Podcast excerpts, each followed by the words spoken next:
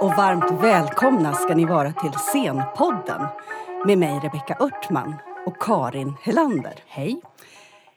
Nu ska vi närma oss ett ämne som tar utgångspunkt från dokumentärt material, utsagor och intervjuer, vittnesmål, nämligen dokumentärteater. Varmt välkommen Mattias Andersson. Tack så mycket.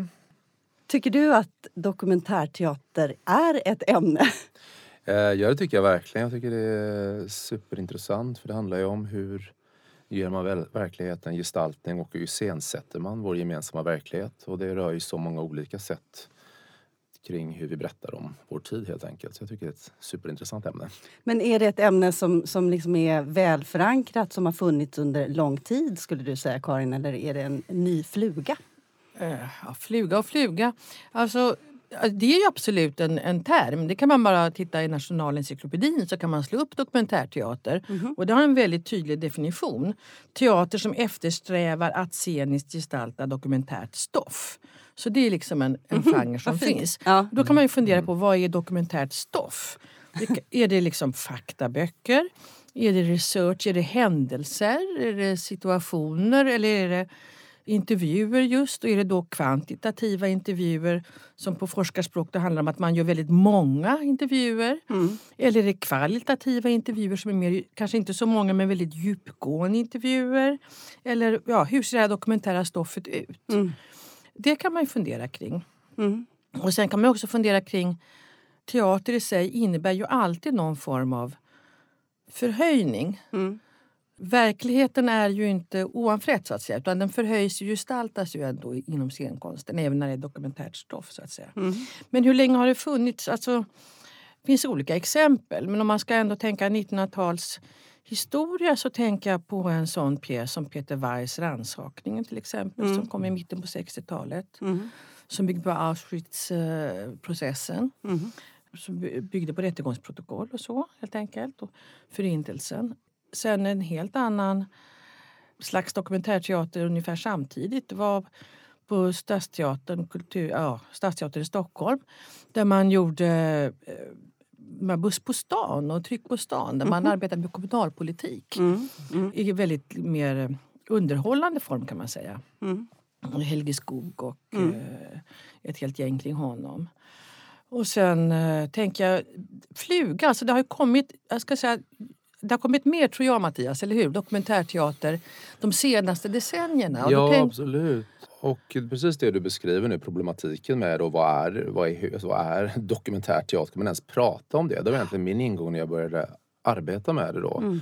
För jag fick, jag hade ju börjat, jag började ju som jag var först utbildad skådespelare från början och så höll jag på med det och sen så började jag ganska snart skriva pjäser och sen skrev jag under 90-talet och andra halvan av 90-talet pjäser som var liksom pjästexter där menar jag att det var saker som jag själv hade antingen upplevt eller saker i min närhet mm. med karaktärer som pratade med varandra. Men man kan kalla det då fiktiva pjäser som byggde på ett stoff som var antingen självupplevt eller någonting i min närhet. Jag gjorde ju flera pjäser, både i Göteborgs stadsteater och gjorde på Unga Klara en pjäs som heter Löparen bland annat. Mm. Men så fick jag en fråga just, och detta var faktiskt 2005 var detta, från Angeredsteatern i Göteborg. Ja. Ulrich Hillebrand som var chef där då, att göra någonting. Han var intresserad av att göra något dokumentärt. Och jag hade en enorm aversion just mot det begreppet dokumentärteater och tyckte precis det här att för det första, hur kan man prata om dokumentärteater överhuvudtaget? För teater är ju alltid ett rekonstruerande av en verklighet. Det är inte verkligheten vi ser på scenen. Mm. Är det dokumentärradio? Är det de riktiga rösterna? Är det dokumentärfilm? Är det de verkliga ansiktena? Men dokumentärteater, det är en representanter som återskapar någonting som redan har skett. Det. det är ju det sceniska grundkonceptet. Så att, eh, ja, vad, vad är det för någonting? Jag tyckte också att väldigt mycket projekt som kallades dokumentärteater eller som liksom based on a true story så att säga ofta hade den formen att det var kanske en författare från en viss position som åkte ut till exempel en arbetsplats eller en förort mm. eller en speciellt social miljö, gjorde intervjuer vagt mm. Eh, utförda, man vet inte riktigt det och sen kommer den tillbaka till sin egen position och skriver en fiktiv pjäs utifrån det här materialet. Och det hade väldigt problem med. Vems position är det och vad, vad, hur, hur är de här intervjuerna utförda? Att man wallraffar helt enkelt? Ja, nej inte wallraffar. Jag hade mer problem med liksom det själva sanningsbegreppet där. Vad, vad är det för ja. någonting? Hur mycket ska jag ändå tycka att det här är den här personens ändå subjektiva bild av verkligheten mm. i relation till det här materialet som den påstår sig ha samlat in. Mm. Så jag hade väldigt många problem med det här. Jag kände att jag var inte alls intresserad och tyckte att det är hederligare på något sätt att skriva om saker som man själv har upplevt eller i sin närhet på ett sätt som konstnär. Men i alla fall så funderade jag vidare på det och så tänkte jag men jag vill nog vända mig i så fall till människor som har en vana att samla in material kring verkligheten. Mm. Och så jag vände mig till sociologiska institutionen i Göteborg och mm. började samarbeta med sociologer vid Göteborgs universitet för det här projektet som jag sen kallar The Mental States of Gothenburg som hade premiär 2006 på Angeredsteatern. Mm. Och då var det att jag, jag hade en idé att jag ville göra en föreställning som skulle fånga ett slags mentalt tillstånd av Göteborg 2006. Jag visste att det skulle vara för yngre människor så tänkte jag att det skulle vara 20-åringar i Göteborg. Mm. Och jag ville att det skulle på något sätt skildra ja, ett tillstånd av hela Göteborg. Och då diskuterade jag med sociologerna och de här med sin vana att utifrån det du också beskriver, alltså, hur skulle ni göra om ni skulle påstå att ni skulle få liksom ett slags tvärsnitt av Göteborgs 20-åringar? Hur skulle mm. ni välja ut människor? Vad skulle ni använda för kriterier för mm. att välja ut människor? Och inte minst, hur skulle ni utföra intervjuerna? Mm. Och sen formulerade jag ett antal frågor och sen så gjorde de här sociologerna intervjuerna. Så att jag träffade alla de här intervjuade ungdomarna och, och, och kärnfrågan för projektet som sen blev väldigt kraftfull det var egentligen, finns det någon särskild händelse i ditt liv du skulle vilja se gestaltad på en teaterscen? Och det var liksom grundfrågan. Mm. Och jag tyckte också frågan där var intressant för det blir också, det är inte liksom berätta det här för oss utan vi vill ha just det här om dig för att du är en sån person. Utan då får de själva tänka, mm. vad skulle jag vilja se i mitt liv visat för en publik på en. Men då hade inte du heller en agenda vart du ville. Exakt. För jag tänker ja. att, när du talar om tidigare, ja. att det kommer, man, man gör research och då, där mm. finns det också lite, tänker jag, förgreningar till en annan form av politisk teater där man har bestämt sig nästan för vart Just man ska det. från början. Mm. Ja. Mm. För ställer man en sån öppen fråga och mm. försöker också få en mer täcka liksom en större bredd av människor. Mm. Då, ja. då vet man inte var man, var man hamnar. Men jag tycker det är väldigt intressant det du gör, just att du redan så tidigt då mm. tog in sociologer. För att mm. det är ändå inte så vanligt, Nej. tänker jag, med dokumentärteater. För att när du frågar Rebecka om det är en fluga, mm. och både Mattias och jag säger att fluga och fluga, men det är i alla fall mer frekvent idag. Då är det ju mm. också dokumentärteater som inte bara bygger på, eller som inte alls bygger på sociologiska studier eller så. Utan mer sånt som vi har ibland haft uppe i tidigare poddavsnitt. Jag tänker när vi hade Mattias Brunn till exempel. Mm. Och han pratade om det var just händelser, mord mm. på homosexuella till exempel. Ja, precis. Mm. The Laramie Project eller No ja. Tears for Queers. Eller vi mm. hade Tina Rosenberg. Hon pratade om den här boomen som har kommit med många unga, framförallt yngre skådespelare som mm. gör liksom dokumentärteater på sitt eget liv. Just, vi hade ja. mm. exempel Lottie Törnroth, Mitt liv som tjock. Mm. Eller jag tänker mm. Alexander Salzberger ja, som gjorde Bombacka.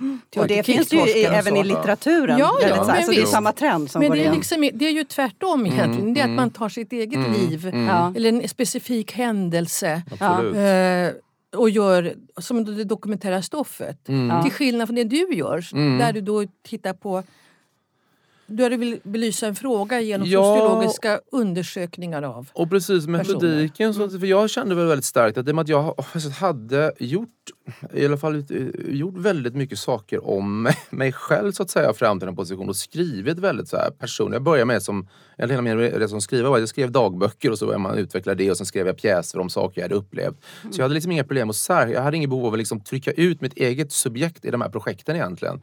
Utan det var just också metodiken, hur samlar man in material? Och jag var också väldigt inspirerad, det var, nu borde jag alltid kanske sån här för, men uh, The Weight of the World fanns det en bok han sammanställde, borde jag, som var liksom med mm.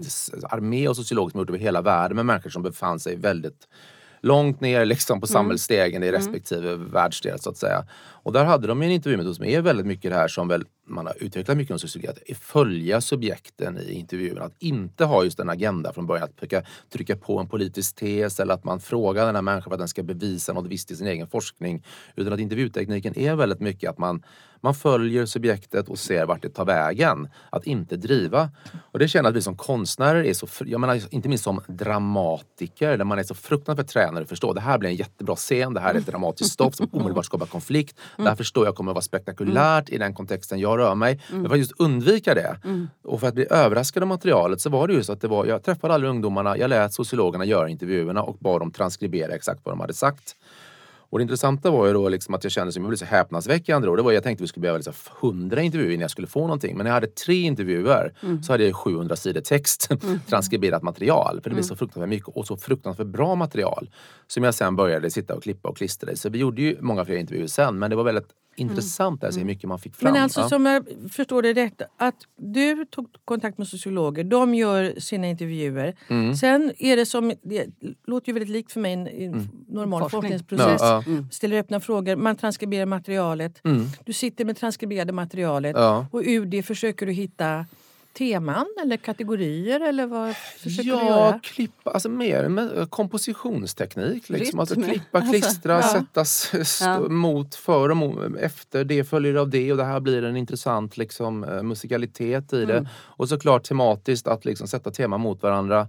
Sen är det väldigt skrämmande då man upptäcker, som väl alla som jobbar med dokumentärt material fattar, alltså dokumentärfilmer, det beror ju, alltså allt går ju att manipulera beroende på vilken in och Ja. utpunkt du väljer. Det är ju liksom hur Ja. lätt som helst att manipulera ett sånt där material. Och det är ju en sak som jag undrar över, eller som jag ofta Mm. tänker på faktiskt. Vad det gäller, framförallt tänker jag på andra former av intervjusituationer Mm. när man jämför forskning och eh, konst. Just det. För inom forskningen har vi ju så fruktansvärt mycket alltså, etiska förhållningssätt att förhålla oss till. Mm. Så vi, att det finns ett regelverk, ett etiskt regelverk som är absolut. Yes. Ja. Och som har blivit stramare med åren. Mm, mm. Och som det inte ser ut så inom konsten. Nej, tänker jag. Där nej. Man kan, där kan man fråga folk vad man tycker och det är liksom inte på det sättet etiskt.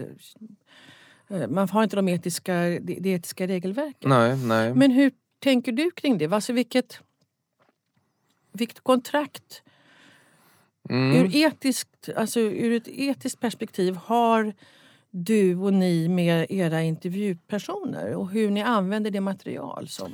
Ja, absolut. Det, det, för det första finns ju en etisk kontrakt och som, det, det har vi faktiskt kop- kopierat sociologerna. Så man ger inte pengar för intervjuer, man gör det vid två tillfällen. Alltså vi har Ja, deras sätt att göra det, liksom, hur det Ja. ser ut. Att det, är väldigt tydligt. Vi gjorde ju även Utopia till exempel som byggde på berättelser om droger. Gangs of Gothenburg som var om eh, gängkriminella. Så det är mycket så här, men det är ju ett, de skriver ju på ett papper liksom, att vi ska använda det här så de vet om vad det är de gör. Mm. Eh, såklart. Och anonymt. Anon ja, anonymiserat. Ja. Det, det säger vi ju alltid. Sen har jag i varje projekt själv fört in på ett konstnärligt plan en etisk diskussion i de här projekten. Till exempel The Mental States of Sweden som slutar på Dramaten gjorde som slutar med Mm. att det är en eh, romsk tiggare eller migrant som sitter och tigger som börjar fråga mig frågor och frågar hur mycket pengar jag har tjänat Man för det här. hör det i Ja, ja, salongen när man hör det, sitter som precis. ett ljud, Så- en så- ljudinspelning. Precis. Och där det också blir ett ifrågasättande av vem är det egentligen som ska ha pengar för det här projektet. Och även i Mental States och Gothenburg där det var ungdomar som sökte upp mig sen. Det, det, var, det var en fiktiv scen mitt i där de söker upp mig och vill att jag ska berätta någonting om mitt liv från när jag var 20 år. Och jag värjer mig och liksom tycker att det här Men projektet det, går var inte det ut då på det. fiktiva? Det var fiktiva, ja. Helt fiktiva? Ja, mm. Var dina skrivna? egna- Ja, precis. Det var ett sätt för att föra upp det, föra in den etiska diskussionen, problematisera det helt enkelt. Vem, vem berättar berättelsen och vem Ja, äger berättelsens precis. Men jag, men jag Mm. kan känna att den här etiska diskussionen, den är ju jättespännande. Samtidigt kan jag tycka att teater, vad, jag- vad jag har märkt väldigt, jag har väldigt mycket projekt med väldigt mycket sånt här, liksom också laddat material och inte minst med unga människor som har kommit och sett. Mm. 99 procent är jättepositiva och upplever, alltså det är någonting med teaterns transmissioner på teater. Man upplever det inte alls så som man skulle vara med i en dokumentärfilm. Alltså det är andra som gör det, det är skådespelare. Så det blir inte den typen av du har tagit mitt liv och gjort det här. Den, den, den diskussionen har egentligen aldrig uppstått på det sättet.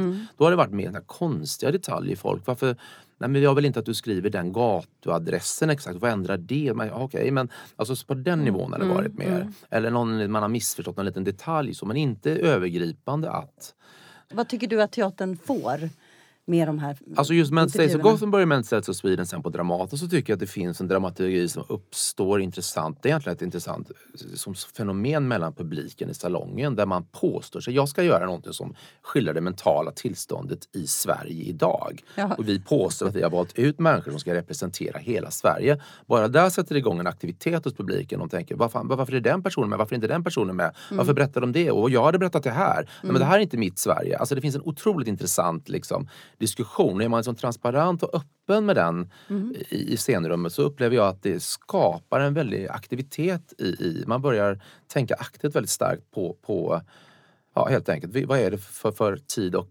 Ja, samhälle jag lever i helt enkelt. Ja.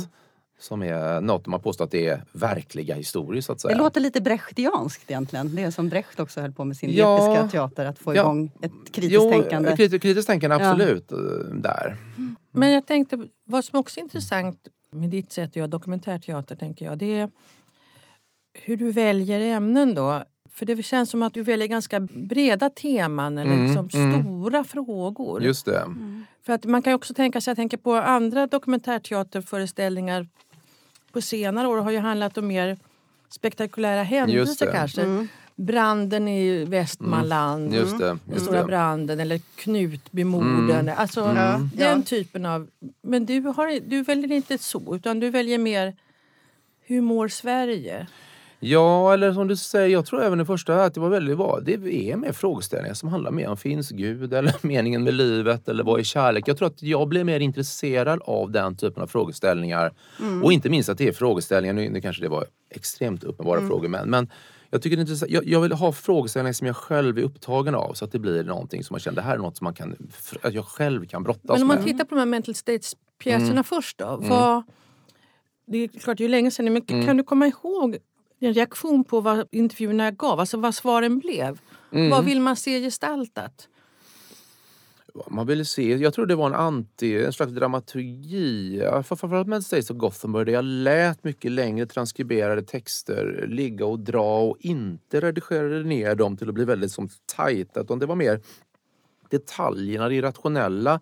Men det ihop med scenografen Ulla Cassius tycker jag hade ett väldigt fungerande koncept. Att om man satt i en kvadrat runt. Så det handlade väldigt mycket om Alltså hur ska man göra av en människas första persons berättelse? Hur gör man teater av en människas första persons berättelse? Man sitter liksom i en, kvad- man satt i en kvadrat och så började folk berätta historier för varandra. Och sen vid någon viss punkt går någon som berättar en historia upp, tar ett steg upp i den här spelplatsen då och börjar iscensätta sitt liv. Och så är det någon som plötsligt går upp, spelar någon pappan, så spelar någon det.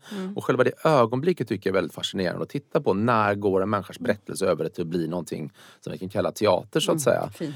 Men, men, men, men det, det du säger där är ju liksom, vad är det jag blir fascinerad Nej men jag tror att jag jag tror det är den här också man känner som konstnär överhuvudtaget det här med att när verkligheten blir så. Det, det, var ju en, det är ju många som har pratat det var ju redan i 90-talskonsten och den rörliga bilden. När, när man kände, det började redan kanske med det första Irakkriget här, när man känner att verkligheten blir så fiktionaliserad och att hela verkligheten, när all nyhetsbeskrivning går ut på att skapa det här dramat, det här liksom amerikanska anglosaxiska dramaturgin av vår verklighet.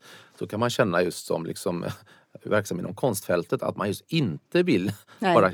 Överföra den. Man vill, man vill plötsligt visa om skildra verkligheten på något annat sätt som vi inte ser automatiskt i de dramaturgimodellerna. Så för mig var det mycket en reaktion mot det. Mm. När jag gjorde det här 2006 i varje fall, mot att jag känner att eh, att försöka just inte bedriva någon tes, inte automatiskt eh, skapa konflikter på det sättet. Men sen har du ju också grottat ner i de här, alltså Dostojevskij. Ja, just det. Jo. Alltså Brott och straff Jo, eller jo. Idioten eller Strindberg och Drömspelet Ja, ja, och så. mm. Men för att ta Brott och straff då, Mm. som också var tidigt. Mm, När mm. kom den? 2007? Eller? 2007, ja. Det var precis efter det här projektet. Ja, precis. Ja, Som ju verkligen handlade om existentiella stora frågor som ni frågade barn och unga om. Kan Ja, du inte precis. berätta, alltså, vad var vad, vad drivkraften att gå in i en Dostojevskij-värld och eh, göra sociologiska... Samtidigt Ja. ja. sträcka upp ögonen. Ja, det var ju omvända då. Egentligen hade jag precis gjort den här Ment States Mm. of Gothenburg när jag blev konstnärlig ledare på Backa teater och skulle göra det här Dostojevskij. Och då ville jag på något sätt använda mig av det arbetssättet. Så som du säger så var det ju eh, ett helt år faktiskt vi arbetade med, med det projektet. Det berodde också på att det var utan hus och vi skulle inviga ett nytt hus där eh, på Lindholmen i Göteborg, på Hisingen i Göteborg. Men, eh, nej, men då tog vi då hade vi, vi var ute tre månader på skolor, ungdomsgårdar, överhuvudtaget ställen där unga människor rör sig. Och så hade vi med oss boken och försökte på något sätt ta grundfrågeställningarna i boken. Vad är ett brott? Vad är ett straff? Kan man förlåta allting? Finns det en gud som så att säga straffar en genom ett samvete om man gör något? Alltså, Alla de här elementära frågorna och försökte mm, samtala. Vi hade olika både värderingsövningar, vi hade små scener vi spelade upp som inte var kopplade till den. Vi, när jag var med brukade jag ha med mig boken och berätta vad boken handlade om. Liksom. Bara så, så är det något som ni känner igen och vad tänker ni om det här? Det var mm. otroligt enkelt. Men det som hände var att man fick en väldigt bra känsla för Alltså vad, när jag skulle sen bearbeta romanen så tog jag med mig det här in. Att vad är brännpunkterna? Liksom, vad är konflikterna? Vad är smärtpunkterna? Vad är det för en publik idag som liksom, de går igång på? Liksom? Och vilka teman känns väldigt daterade? Eller vilka liksom, saker måste jag in? Så det var mer ett arbetssätt där som gav väldigt mycket och inte minst att hela ensemblen blev genomsyrad av frågeställningen för att de hade frågat unga människor i upptända pingisrum eller biljardrum och fritidsgårdar om de här frågeställningarna. Mm. Och då hade de en beredskap på något sätt kring det. Så att eh, då applicerade det mm. arbetssättet i den och så var det vissa scener som jag skrev in mm. där. Mm. Men jag tänker, vilka mm. andra håller på med dokumentärteater? Kan man se någon liksom ehm, någon likhet mellan, mellan ditt arbetssätt och med andra som är verksamma idag? Nej, jag tänker ju alltså de, de har jag egentligen inte börjat... De, jag, när jag gjorde mitt projekt först, då hade jag egentligen inte sett de personerna överhuvudtaget. Och det var, men det kommer ju först samtidigt. Det är ju det Rimmen i protokoll till exempel. Jättestort ett tyskt eh, stage ja, mm. som jobbar med, med... Men de har ju den att de jobbar ju dessutom inte med skådespelare utan de har ju verkliga människor på scenen. De ja. pratar ju med experter. Så de, gör ju, de placerar ju människor med erfarenhet. Så har vi Emilio Rau som är jättestor nu i Europa som gör också dokumentär, blandar ofta skådespelare mm. Eh, och uh, experter, amatörer med och gör teman, också dokumentärteater. Och sen Lola Arias är ju en annan sån argentinsk-tyska konstnären, eller scenkonstnären som gör jättespännande saker. Så det är ju många som arbetar med det, absolut. Mm. Och nu, just nu har väl du också eh, riktiga människor på scenen? Jo, jag, jag brukar blanda lite grann sådär, ja. absolut. Så det, det, det, brukar jag. Det är ju ganska spektakulärt ofta om man tar till exempel Milo Raus senaste som är ganska uppmärksammad. En av de senaste var fall där det då handlar om sexuella övergrepp och pedofili och det är då barn mm. som spelar på scenen bara, som spelar både förövare och offer. Ja, för, ja. för. Alltså det finns ju ja. Så man brukar ju, det är ju ganska mycket så spektakulär package på de här projekten. Ja, verkar det som att få... man jagar liksom lite nyhetsvärdet? Så. Ja, det är ju risken att det ja. blir en hel industri. Ja. Liksom, att man jagar de mest konstiga eh, brutala. Det, det, får man ju undvika också för det kan man ju se den europeiska konstkontexten där. Liksom lite, ja. lite mer åt den här lite smalare exklusiva festivalkulturen. Där är det ju mycket projekt som eh, man känner men alltså nu kan jag inte sitta här i ett rum med det är bara massa belgare mm. liksom, i, mm. i coola snygga kläder som sitter och pratar om att de har gjort något om ja. benlösa i, ja. i Rumänien eller något om i kriget där. Alltså, man ibland, profiterar lite ja, på, det på blir ju lätt en sån känsla. Liksom. Men, men å andra sidan så måste det också göras. Jag tycker de bästa av de här, som Milo Rao eller Lola Arias eller, eller, eller protokoll, de har ju en hållning till det som är intressant. Liksom. Mm. Mm. Vi hade ju ett svenskt projekt som verkligen satte de etiska frågeställningarna på sin spets. Det var ju Lars Noréns FU 3. Mm. Precis. Uh, med interner varav ett par nazister och som sen också grep över verkligheten som slutade med Alexandermorden. Ja. Och som ju blev oerhört omtalat då, uh, på 90-talet, slutet väl. Mm. Men jag vet inte om det är så många i Sverige som håller på så målmedvetet med till mm. exempel sociologiska undersökningar mm. som du gör. Däremot mm. finns det ju många som jobbar med research och intervjuer. Just och sådär. Det vet just jag just till exempel Jerker Bäckman som skrev mm. mm. pjäsen om, om branden i Västmanland. Han ju, hade ju ett sånt stort researcharbete mm. och det är ju många som har. Och referensgrupper. Alltså referensgrupper ja, precis, och, och, man intervjuar och man reser runt och man frågar. Och inte minst, och det gör man kanske själv då, inte med hjälp av sociologer. Och inte minst om barn och ungdomsteatern också ja, så är det ju jättemånga som jobbar med research på olika sätt. Jag tänker på mm. några barn och ungproduktioner eh, som ni har gjort på Backa. Mm, mm. Dels de här som heter till exempel 4018 ja. dagar och så. Mm. Det är väl tre ni har gjort ja, precis, som bygger på ja. ensemblen, egentligen minnen, barndomsminnen från olika åldrar. åldrar. Mm, mm. Så det är ju ett annat mer introvert Absolut. sätt att göra ja, research. Så ja, säga. precis. Och där råder Johanna Larsson, den regissören, upp med dramaturgen Stefan Åkesson. De hade väldigt metodik hur de samlar material från skådespelarna och hur de arbetar med det. Mm. Med, från inspirerat device som man säger. Då. Mm. Och så tänker jag på en produktion som ni hade ganska nyligen som jag tyckte väldigt mycket om. Av, mm. Som byggde på barnintervjuer av Ylva Mårtens ja, som ju är en ja. mm. enastående journalist som, vad gäller barn och mm. unga. Mm, eh, vad hette den då? Som om jag skulle bestiga Mount Everest. På tio minuter. Tio ja, minuter. ja, men precis. Ja. Eh, och som handlade om viktiga händelser i barns liv. Precis, ja, där var det ju en renodlad alltså, journalist som vi vände oss till. Och där har väl jag också, ibland är jag sociolog, så gjorde jag ett projekt som heter Gangs of Gothenburg som var med gängkriminella i Göteborg. Det var ju 2009 redan så det var ganska långt innan allt det här med mm, där vi lekte med både den fiktiva sidan av det och folks attraktionen hos media och vanliga människor att få höra om de här gängen som är nästan som Gudfadern eller Scarface i våra förorter. Men också eh, då eh, sanna historier. Men det var det Nabila Abdul Fattah och eh, America Vera Zavala som gjorde intervjuerna. I det fallet så då var det då inte sociolog utan det var en annan hållning där. Så vi har jobbat på olika sätt. Och rött kort. Rött kort, ja. Men där är det ju en typ av, det är lite grann som jag jobbat nu när vi har jobbat med Hurricane Needs. Eh, Rött kort var ju mera, då var det ju den killen som, som eh, stod på scenen själv då som var liksom en konstant research redan när vi gjorde projektet så att säga. Så det finns ju väldigt många olika sätt att förhålla sig till Det var en kille, papperslös kille som var, Ja, som var på scen. älskade fotboll. Ja. Och sen jobbade Rasmus Lindgren, Amerika Vera Zavala och Gabriella Pichler fram föreställningen ihop med honom helt enkelt. Så. Men jag tänker det här verklighet och fiktion. Alltså, Mm. vill, är det liksom man får igång den här publiken att börja själv reflektera. Kunde det varit jag? Eller vems berättelse? Är det här min kompis berättelse? Mm. Alltså, det. någon slags aktivitet som man Just är det. ute efter och någon slags nerv. Ja, ja. Mm. Och risken som jag hör nu när ni pratar är att man hamnar då i att man, man blir liksom sensationslysten och vill ha de här eh, sensations... Eh, Ja, för, för mig är dokumentärt ja, att det jag, jag uppskattar, nu gör jag ju andra typer av pjäser också såklart, olika projekt. Men, men jag kan säga, det är ju, med dokumentärt är det raka motsatt. Dokumentärt är, jag använder jag för att just komma förbi de här sens, uppenbara sensationssakerna och det här mediala när folk bara som hela media fungerar och jag tycker hela samhället fungerar med den här korta liksom, framen som du får för att prata om någonting. Att du förväntas bara prata om precis det du representerar.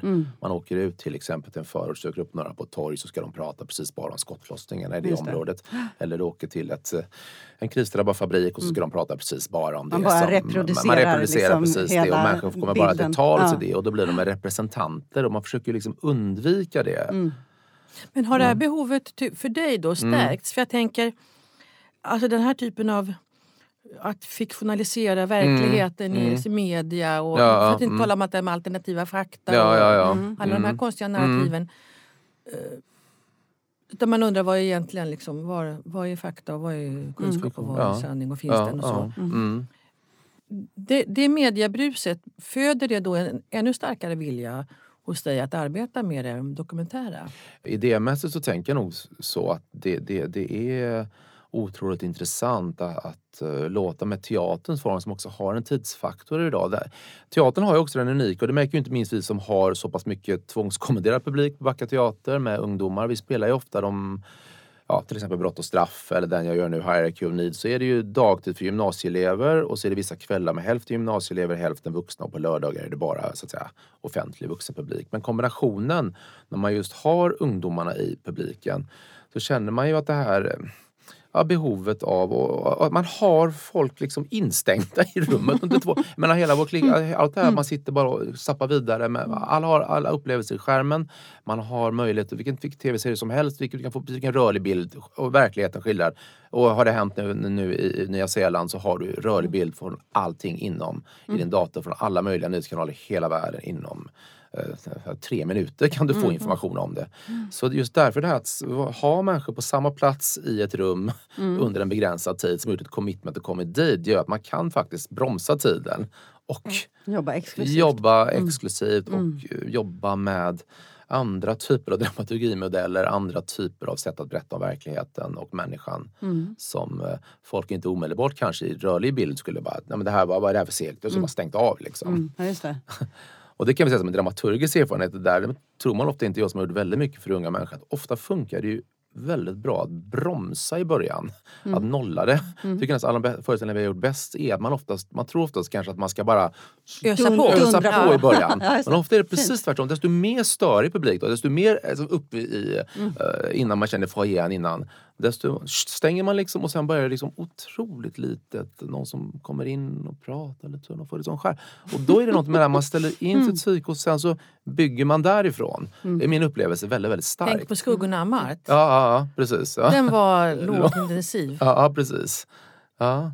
Jag vet inte om du såg det med ungdomar eller såg Började Jag såg det med ungdomar. Ja, funkar det då? Eller? Ja, oh, ja, oh, ja, oh, ja, men jag tänkte att det var precis så den funkar. Ja, ja, ja, ja.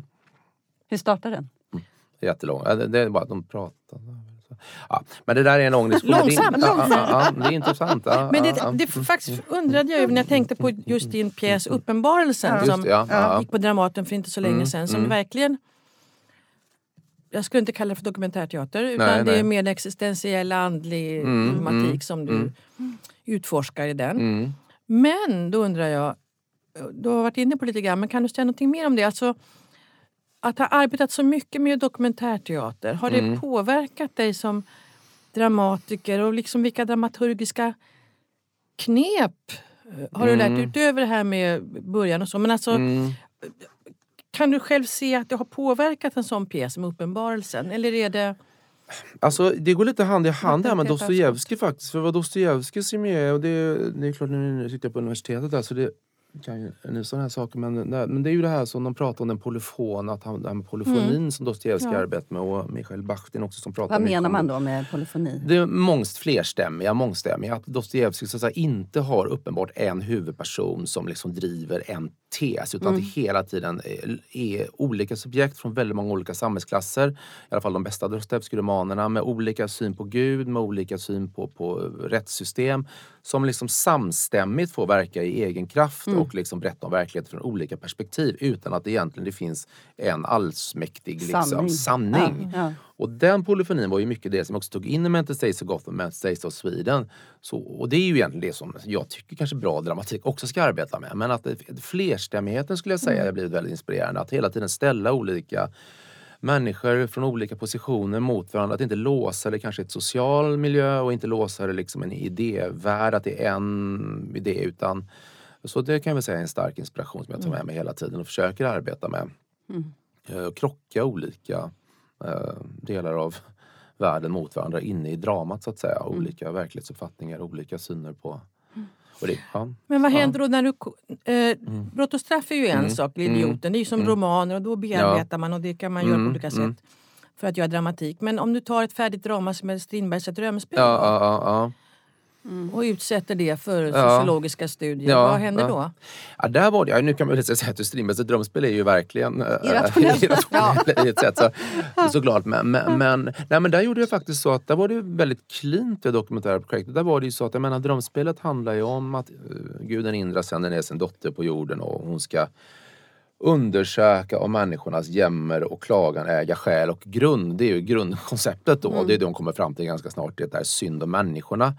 Så att jag gjorde ju den, då gjorde jag liksom pjäsen och så koncentrerade jag ner, jag gjorde bearbetningar som man väl ofta gör när man gör pjäser. Man, man koncentrerar ner det liksom och kanske ändrar vissa glosor och sånt. Men till det kopplade jag just en sociolog, en socialantropolog var det faktiskt i det fallet, som eh, intervjuade människor i Stockholm så, idag som var liksom Indras dotter så att säga och frågade människor, tycker du synd om dig själv? Alltså frågan, är det synd om människorna? Så jag kopplade ett sånt parallellt undersökningsprojekt. Och de transkriberade texterna sen, fogade jag sen in i föreställningen. Men där var det ganska så här Strindbergs text och sen kom det såna och sen kanske det här gifte sig mer eller mindre i olika tillfällen. Men där var det tydligt att det var en eh, eh, dokumentärt till själva frågeställningen. Och det är också intressant eh, att man jobbar med, man har en frågeställning, tydligen klassisk text och sen kopplar man ett så samtida projekt med fr- samma frågeställning och ser hur det här kan gifta sig eller får man andra svar idag så att säga. Eh, Vet du om de forskarna också använder materialet vidare på, på sina håll? Eh, De jag jobbat mest med, Katarina Törn, Helena Holgersson som är kopplade, nu är de på Institutionen för kulturgeografi i Göteborg. De har ju skrivit, de har ju hållit på väldigt mycket med staden Göteborg i sin forskning och den iscensatta staden och staden. De har gjort mycket med, med, jobbat mycket med gentrifiering och hur man iscensätter en stad för vem ska staden vara till för och vem ska tycka staden är attraktiv och vilka delar och vilken publik vill man ha. Så de har ju det som faktiskt som begrepp. Och de har, ju, de har skrivit flera böcker där de har refererat till de här och, och också beskrivit från sitt perspektiv. Då. Men såklart så kan ju jag kan ju aldrig hävda att det här är, de kan ju inte använda det här som liksom så, akadem. De, de, kan, de kan prata om hur förvaltas dokumentärt material i en teaterkontext. Men de kan ju inte säga sen att det här var något som de sen kunde... Nu fick vi en bevis på i Sverige eller Nej. Göteborg. Så, så, så att det inte. Mm, Men de återkommer till det väl. Jag har fått en fråga igen att de ska gå vidare med... De hade någon idé om de skulle fråga människor som hade varit med på intervjuerna eh, hur de nu ett antal år senare har upplevt när de såg föreställningen. Var det en som hörde av sig och ville göra ett sånt projekt. Och Det är ju ganska intressant. Det är ju värdefullt för dig, tänker Ja, jag också, eller ja, för teatern, att, ja. att ha den eh, speglingen på verk, verksamheten. Ja, Pågår de här undersökningarna och det här dokumentära Ja, det måste man göra. Det, det kan man väl säga om man nu pratar Mm. i en scenkonstpodd här liksom och prata om det. Att det är också så att det kräver ju en otrolig... Det är därför vi kan göra de här substantiella på backen för det kräver ju en det kräver ju en framförhållning, Ja, ja, och det kräver ja. ju en kostnad. Liksom. Mm. Vi köper ju en tjänst av de här akademikerna, sociologerna och det är ju de gör ju inte heller saker på grund av, precis ni pratade om för deras egen etik. Jag kan ju inte ringa dem och säga kan du på en vecka göra det? Utan då får man ju, år innan. Samtal. Minst ett Mm. år innan man får sätta igång och så pratar man om frågorna och sen det och så har de hur de ska hitta människorna. Så det är långa, långa processer Just. som, blir, som man måste ha både organisation för och, och eh, pengar för att kunna genomföra såklart. Mm. Eh, Det är inga sanslösa summor, inte mer än ett pjäsarvode men det är ändå en Ja, ja Det visst. Och man krävs måste ju- sätta igång bollen liksom. Ja, som sätta börjar igång rolla. bollen och ja. samarbeta på ett Ja. riktigt sätt. Liksom. att, men det tycker jag vi har den organisationen på Backa. Att man kan genomföra. Ja. Och när jag gjort det på Dramaten State of Sweden då var jag ju tydlig med att det här måste vi sätta igång. Liksom. Att det kommer kosta de här sakerna innan när vi ska göra det här projektet. Just. Mm, så det inte blir det här halv... Hur pass är dramaturgerna involverade i ett sånt arbete? Alltså min dramaturg på Backa är ju väldigt involverad såklart. Det är ju ofta han ihop med producenten som tar kontakt eller hon eh, vad det är, som tar kontakt med de här människorna och sköter den och vi formulerar ihop. Och sen på Dramaten har jag jobbat väldigt tätt mot dramaturgen också så att eh, ja, de är involverade ja. I själva bearbetningen är det ju jag som gör. Alltså, det- den, textmassan gör jag. Sen såklart har de åsikter men men i och med att jag kommer från pjäshållet, för det finns ju också ett sätt att man jobbar med det och liksom slänger in allting och så börjar man jobba på golvet med det liksom, och se vad det blir. Men jag gör ofta som en pjäs, ett manus, att jag klipper och klistrar och sammanställer en läsvariation när vi börjar av det jag har valt ut då. Hur gör du rent alltså Sitter du med jättepappersark? Nej, och färgpennor? Eller vad liksom? Nej, det är nog i datorn, Ja. copy-paste liksom. Ja. Att man hittar, det här eh, tror jag på. Och så är de, kanske först är det som fem sidor från någon människa så drar man ner, drar man ner, drar man ner. Så får man sitta och så... Är det så, ett lustfyllt arbete? Väldigt roligt faktiskt. Ja, kan tänka mig det. Som Har en man fått- klippare, liksom. Har man fått bra inte material så är det Ja. fantastiskt roligt. Ja. Verkligen, Men har det någon alltså. gång hänt att du känner att materialet ger mig inte riktigt det jag... Ja, det har jag känt vid många. Jag kan säga, det är jättehemskt att säga det, men eh, väldigt mycket sådana här frågor om liksom större politiska saker, alltså det blir oftast väldiga plattityder, väldigt oanvändbart. Och det är att, inte när folk pratar personligt, med detalj, det man vill ha är ju detaljer, människor som pratar från en förstahandserfarenhet. Så fort man frågar liksom så här om fred på jorden eller om miljön eller ett framtida ideal. Vi hade till exempel Utopia, projektet Utopia som var frågor om många människor om deras relationer till droger, alkohol, psykofarmaka och eh, narkotika. Men också frågor om hur ser du ditt framtida idealsamhälle? Den var ju baserad på Thomas Mores bok Utopia.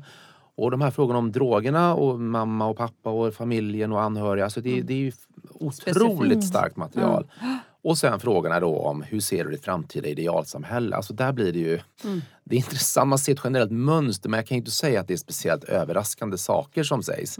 Så de där hamnar, tycker jag, det är bara för minne, där hamnar man ofta fel. Det var nog, ibland blir det så här konstigt. Japan är mitt favorit så i, i Utopia. Och Varför är Japan det? Och så börjar de beskriva Japan då. Då blir det ju något specifikt. Men det här... äh, Men där, där, är de här öppna frågorna in, inte lika verksamma? Nej, Eller bara inte yngre människor? igång. Nej, nej, är inte, Nej. men öppna frågorna är personliga tror jag. Om det är Ja. liksom något personligt. Men det är svårare faktiskt tycker jag när man frågar hur ser du på Sverige idag? Hade sig med med States of Sweden? Men just de här sakerna. Men det är väl så som människan är. Det tenderar mer att kopiera saker Mm. som man hör Ja. i den politiska retoriken exakt just nu. Och då blir det ju som Som att teater. man ekar. Man ekar, precis ja.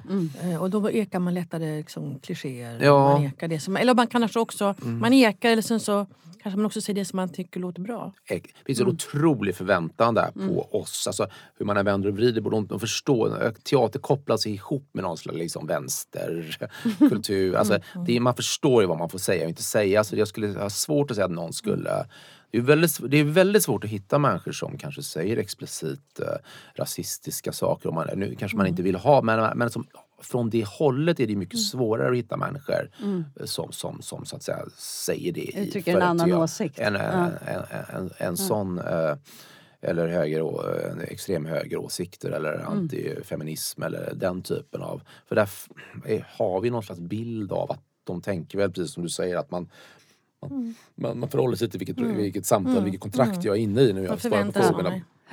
Sådär. Men, men, eh, men det är ju lättare med unga människor i och för sig för de är ju öppnare då. Om man ser på färdiga pjäser, som Drömspelet som sagt, det är ju så logiskt i sig och har ju också Det har ju också dokumentärteatrats tidigare, tänker Mm, jag. mm. Orionteaterns drömspel till exempel. Där man klippte Mm. in delar av styckmordsrättegången på sin tid och så. Mm. Men finns det pjäser som är, annars som är eh, mer eller mindre lämpliga? Liksom? Eller hur? Om du skulle vilja göra en uppsättning Mm, till mm, utifrån en befintlig mm, pjäs och nu kan du mm. inte ta drömspelet för då har Nej, du nej, gjort. nej, nej. Och Hur letar du då? Nej men jag tror att det är, det det får ju pjäser i sig har någon slags dramaturgisk öppenhet. Jag menar om man tar ska, till exempel en genomtajt, en, en brittisk ny pjäs som är så här svintajt med liksom fyra roller i ett rum. Som liksom, det känns ju väldigt svårt att liksom spränga den dramaturgin. Så det får väl vara någonting att den med i sin komposition kanske byter rum och plats genom scenerna så att det finns liksom luft i det. Så det finns ett sceniskt problem. Hur ska vi lösa det här? Det är väl det första. Men också såklart att den ska väl ha någon typ av frågeställning. Det närmaste jag gjort med det var ju det Witold Gombrowicz Ja, Yvonne det. arbetade jag med. Och då kopplade vi ett skrivprojekt faktiskt till, för den handlar ju väldigt mycket om den här eh, rollen Yvonne som alla plötsligt börjar projicera. Sak hon blir en syndabock i den här sociala konstruktionen och blir liksom mobbad och utstött. Och då bad vi unga människor skriva om ensamhet, om texter om ensamhet, om utstötthet, att känna sig utanför. Och tyckte att det var kopplat mycket till skrivprocessen när man sitter själv. Och de var med de här texterna i föreställningen ihop med eh, Gombrowicz text då. Fast de, då läste de texterna på band faktiskt så de kom. Och det tyckte jag, så det är väl också temat, man känner det finns ett tydligt tema, det finns en tydlig frågeställning. Det är ju inte alla pjäser som har det. Men, men eh, absolut. Mm. Lite otippat var du med på Bergmanfestivalen med en persona Just det. Just Kan du det. inte berätta om det? Jo, nej det var ju Bergmanfestivalen där som jag hade väl, de gör ju den några specialbeställare från Dramaten, fick jag väl någon fråga om jag var intresserad. Och sen gjorde jag ju Persona då. Jag har en syster som har MS som har, eh, och hon eh, fick det redan när hon var 20. Så hon eh, gick ganska snabbt fram liksom det här och då, då har hon ju personliga assistenter hela tiden hos sig som, som hela tiden 20, eller vad heter hela dygnet sitter hon liksom med personliga assistenter instängda eh, ihop med de här personerna. Och det uppstår ju såklart väldigt speciella möten och speciella liksom relationer som går upp och ner i relation till vilka de är, vilka hon är. Och hon, hon har skrivit väldigt mycket dikter om sin liksom, eh, livskänsla. Så jag fick bara en idé om att det där med persona, vårdare, en som är sjuk och att koppla det ihop med hennes texter och det. Så det var ju på ett sätt, ja det fanns dokumentärtider men det var också väldigt så person, personligt där. Men det var, hon, hennes texter var ju med i föreställningen. eh, Där hon läste de här dikterna då. Och sen så förhöll jag mig till Bergmans original, liksom kompositionen i den och fick ju godkännande då och transformera vissa saker. Men det är klart, hade man gjort den... Men det är ju som man säger, det finns ju massa sätt att göra det på. Hade det varit kanske, om jag säger som Rimmen i protokoll eller Milo Rau eller det här.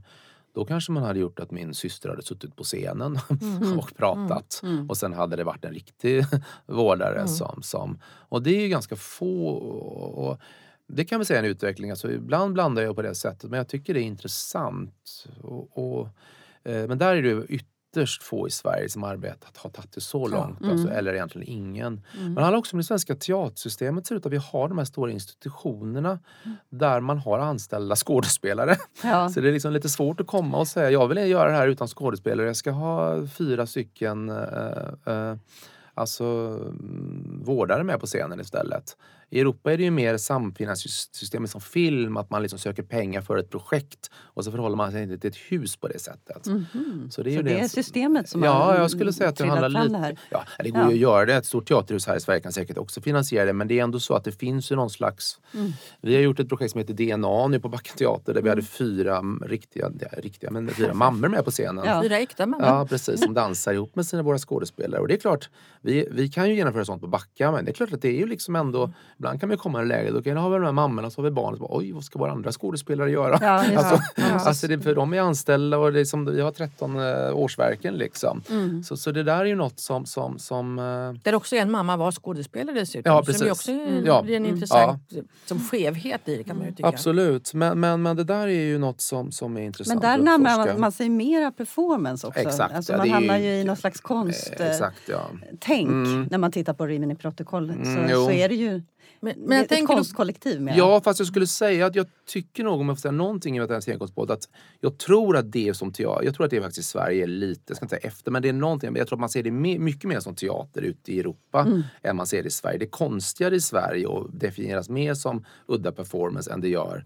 För de här, vi pratar om dem, är ju paviljongfestivalen, Ja. de största Ja, teaterfestivalerna ja. och är paketerade. Det heter teater i programmen Ja, liksom. ja. Så det är inte så att det heter liksom Nej. En smart performance Ja. liksom. Så, att Så säga. de har att- sprängt teaterväggarna, Ja, det- gränserna det tycker egentligen. jag Mera. nog. Jag vet inte vad men det jag, som är jag med tänker det. på, Ja, mm. då kommer jag att tänka på um, Folkoperans Förklädd Gud. Just det, precis. Ja. Där man hade EU-migranter på scenen. Mm. Ja, ja. Eh, som EU-migranter helt Mm, enkelt. Ja. mm. Ja, det är ju Tillsammans sant, med ja. kör och Mm. skådespelare. Men det ser man väl oftare va? När man blandar Jo. Ja, amatörer det, det ihop finns med det. Professionella. Mellika själv, nu är inte Mellika som gjorde den, det var Malin Stenberg. Men Mellika har ju gjort många sådana projekt också som har blandats. så Ja här. men precis. Mm. Så det finns ju ändå. Mm, Ja. mm. Men just det att man tar en typ en eh, helt idé och bara låter alltså, De ic- pratar, icke, ja. icke-skådespelare så att Kanske, säga, bara kanske på något för scenen. dig att, att Ja, det testa. skulle jag gärna göra någon Ja. gång. så, Men, ja, ja. Nej, men det är häftigt. Det är, Mm. det är olika teatersyn. Mm. Det utmanar oss. Och sen är det väl gå tillbaka till grundfrågan vi pratade om. Där, vad är liksom som är väldigt omdiskuterat? Vad är skådespeleri? Vad är gestaltning? Vad, vad, vad är värdet i att man just som ger kropp åt någon annans röst? Och, och det. Och det var jag ju intresserad av i Ment States of Sweden på Dramaten. Där infanns ju ett problem. För där var det ju från norr till söder intervjuer med människor. Allt från då en eh, ja, en uteliggare i Malmö till, till eller en hemlös i Malmö till en gruvarbetare i Norrland till en VD på Östermalm till, till, till alltså, precis hela Sverige var representerat. Och det var ju väldigt här, kända skådespelare och det är Dramatens kontext, nationalscenen och det blir en viss typ av maktpaketering där. Och det var Och ju själva huset. hela huset, precis. Ja, rummet. och då blir ju liksom det, och då blir det, hur ska man kunna liksom ta de här verkliga berättelserna i det här? För på Backa blir det så självklart, det är för unga människor, det är på Hisingen, Ja. Angeredsteatern likadant. Man är redan underdog. man är redan på något sätt där. Ja. Så det projektet handlar för mig väldigt mycket om makt och inte minst gestaltningen. Hur ska de här liksom, kända skådespelarna som har jobbat med Ingmar Bergman och, och Dramat så länge, hur, ska- och är, alla är typ där, känd från tv liksom. Hur ska de kunna Eh, själva ögonblicket när de ska ge, ska de ha dialekter? Ska de härma dialekter? Ah, Ska ja. de ge en annan kroppshållning? Eller ska de vara sig själva och säga att de bara är det? Alltså det problemet är ju väldigt intressant tycker jag. Man tar det in- lättare att hamna i något slags von oben perspektiv? Alltså att man gör sig lite rolig Ja, över det de här vanliga människorna inom citationstecken.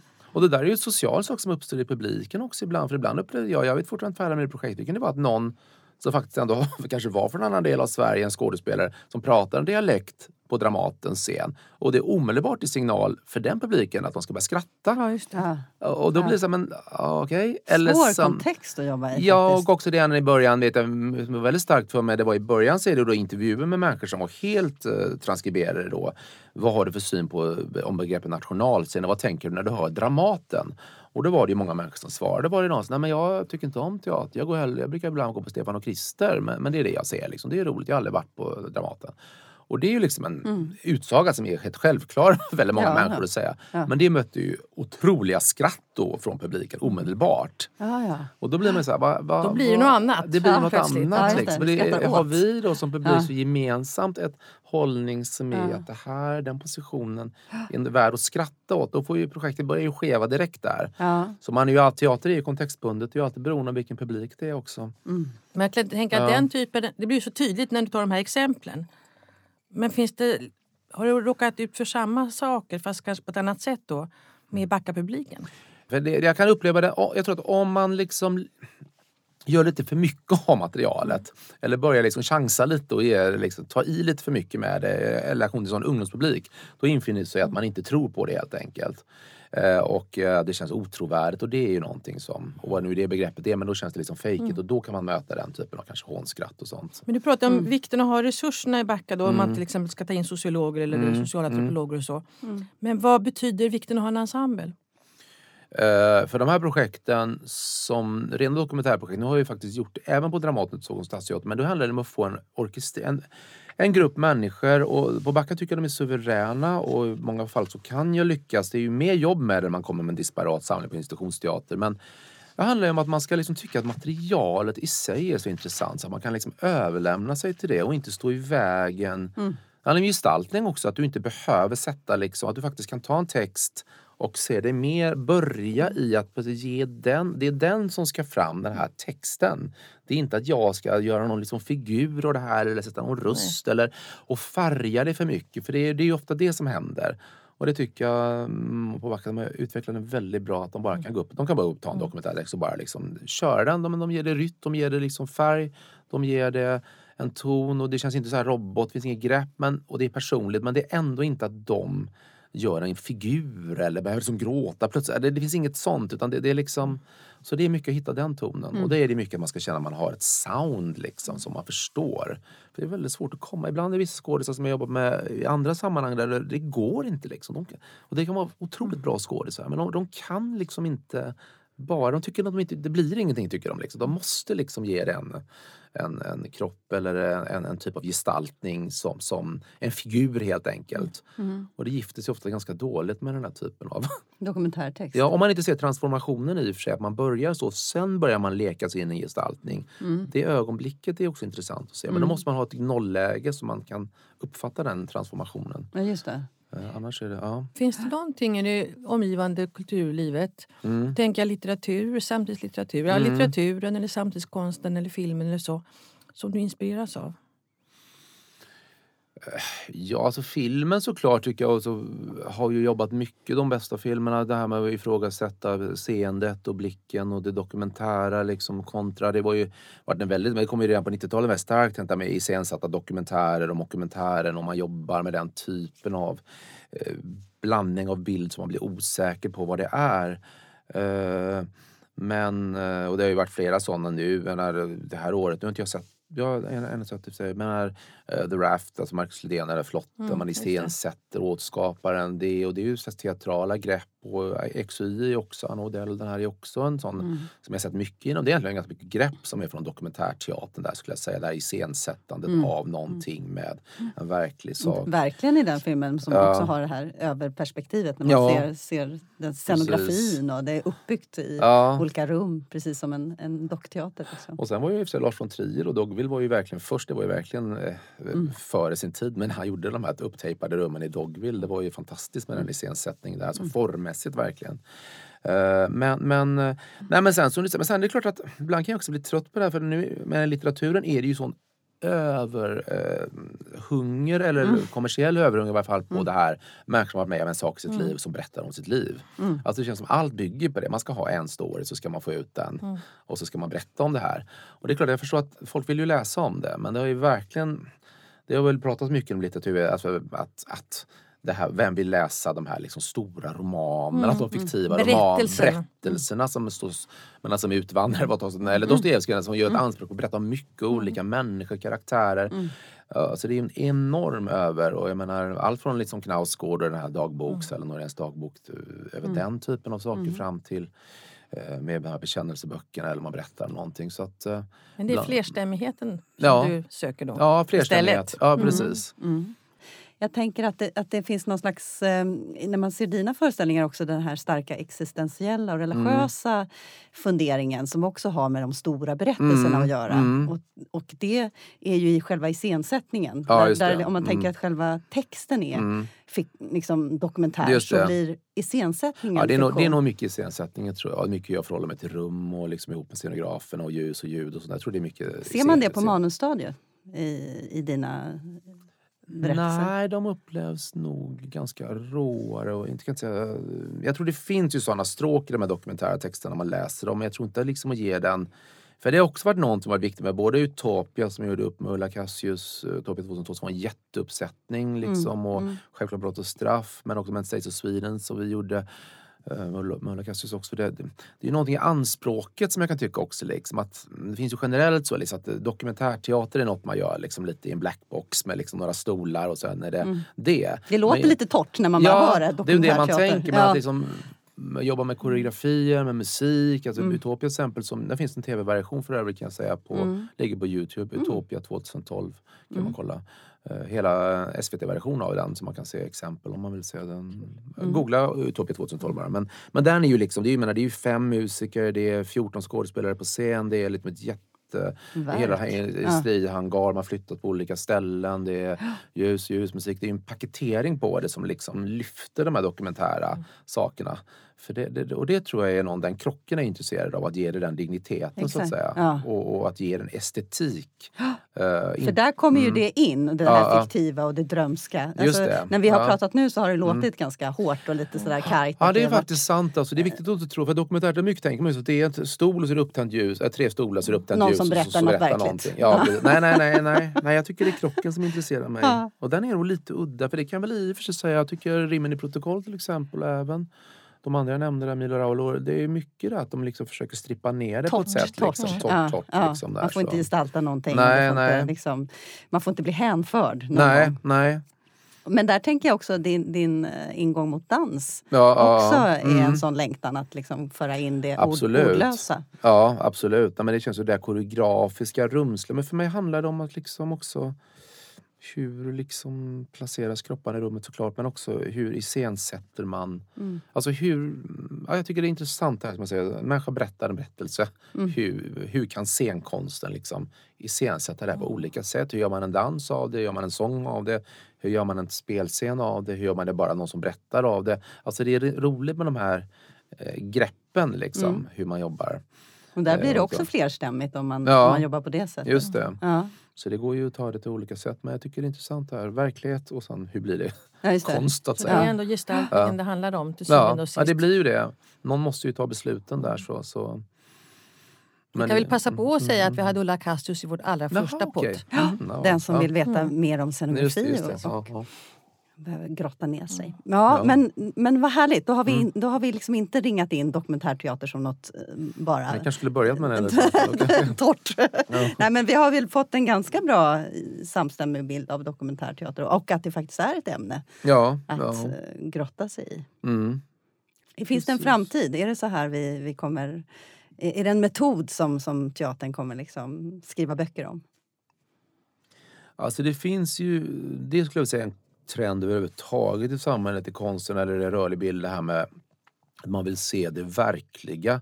Att man vill ha den verkliga människan som har varit med om det. Och detta är ju både på gott och på ont kanske för oss mm. som jobbar inom konstfältet överhuvudtaget. Eh, det är många filmregissörer som hellre jobbar med verkliga människor. Det har varit stora diskussioner med Guldbaggarna till exempel. Att man delar ut det till människor som då kanske bara gör sin första roll och sen blir de inte skådespelare. Alltså många filmregissörer idag som liksom... Mm. Jag var faktiskt på Teaterhögskolan i Göteborg och skulle prata för, eller vet inte, teater, vet du nu? Vet inte jag. HSM, mm. ja, ja, scenskoleutbildningen där. Och då var det unga skådespelare för två år sedan, alltså unga som sa ah, vi hade några filmregissörer här som sa att de jobbar hellre med, liksom, med verkliga människor. Mm. Och, så här, och så var det så frågan så här, de gick på ett, jag förstår på skådespelarutbildningen, så frågan Tycker du att det är någonting man kan lära sig som skådespelare eller är det bara att man ska vara sig själv? Mm. Liksom, ja, eller, ja. Där. Och det är väldigt intressant för när jag gick då själv då för då var det ju Stanislavski-teknik och jättemetodik mm. och vi hade många pedagoger från gamla öst liksom. Det var fysisk träning och mm. allt det här. Så jag menar, det där är ju en generell sak att man vill ha det Man vill inte ha det här filtret av mm. gestaltning. Mm. Och det är något som jag själv kan värja mig mot också. Tänka att det är konstens död lite grann också. Så man kan ju tänka sig, ja det är säkert jättemånga människor som vill se en föreställning där man bara har fyra verkliga människor som berättar om riktiga våldsbrott. Och sen mm. är det inga mm. jävla skådisar som står och ska spela det här. Jag liksom. tänker att det blir också ja. billigare. Alltså, ja, ja, det finns ju en fara ja, absolut, i det. Alltså, det finns, I och med att vi inte har så, mer så att det där är ju, mm. Samtidigt uppstår ju alltid en ny scenisk fiktion då.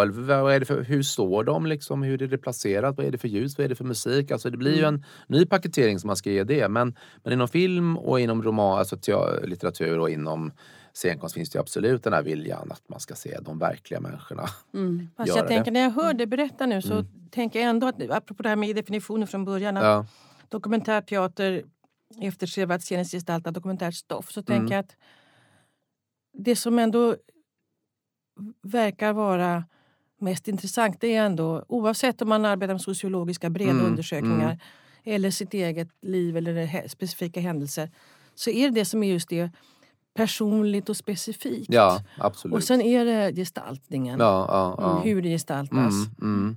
Och det kommer man inte ifrån. Nej, nej, nej, nej. jag är väldigt tveksam till den trenden, alltså mm. trenden bara som går vidare, vidare där. Mm. För som du säger så är det också, det handlar ju om amatörismen också. Att man kan tycka varför kan inte Varför ska vi ha eh, Backa teater och Unga Klara? Kan väl inte ungdomarna spela teater själva istället? Det är väl mm. bättre så får de göra teater. Alltså det där, vad är professionalism? Och jag är inte emot amatörkultur såklart och den typen av med interaktivitet och medskapande. Men det är också en fara om det ställs emot liksom den professionella mm. Man måste väl ändå kunna mm. erkänna att scenkonst kräver ibland i vissa lokaler för viss publik ett mått av professionalitet ja, det kan man ju lugnt och säga. hantverksskicklighet. Ja, ja, kan vi inte bara bestämma jo, det? jo, tack. Okay, okay.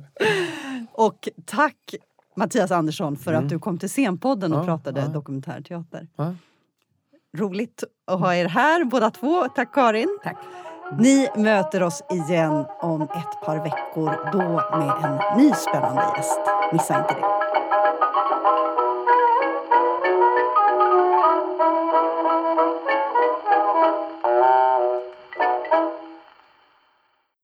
Du har lyssnat på Scenpodden, en podcast från Rats Teater och Humanistiska fakulteten vid Stockholms universitet. Podden spelas in på Språkstudion och tekniker är Henrik Nordgren.